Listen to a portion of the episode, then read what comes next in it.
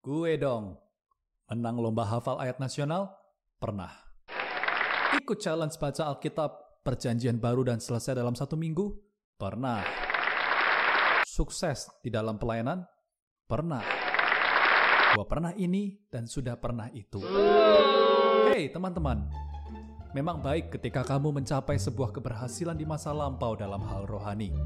Tapi juga perlu ingat bahwa di Filipi 3:13 Paulus pernah berkata, "Saudara-saudara, aku sendiri tidak menganggap bahwa aku telah menangkapnya, tetapi ini yang kulakukan.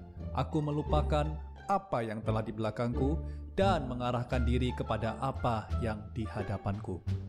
Paulus telah benar-benar mengalami dan mendapatkan Kristus, tetapi ia tidak menganggap dirinya sendiri telah sepenuhnya berhasil dan sudah cukup. Ia masih berusaha sekuatnya berlari kepada tujuan tersebut, mendapatkan Kristus, bahkan sampai tingkat yang paling penuh.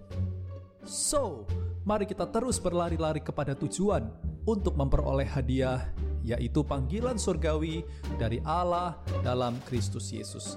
Dan jangan cepat puas, terhadap apa yang sudah kamu dapatkan kemarin.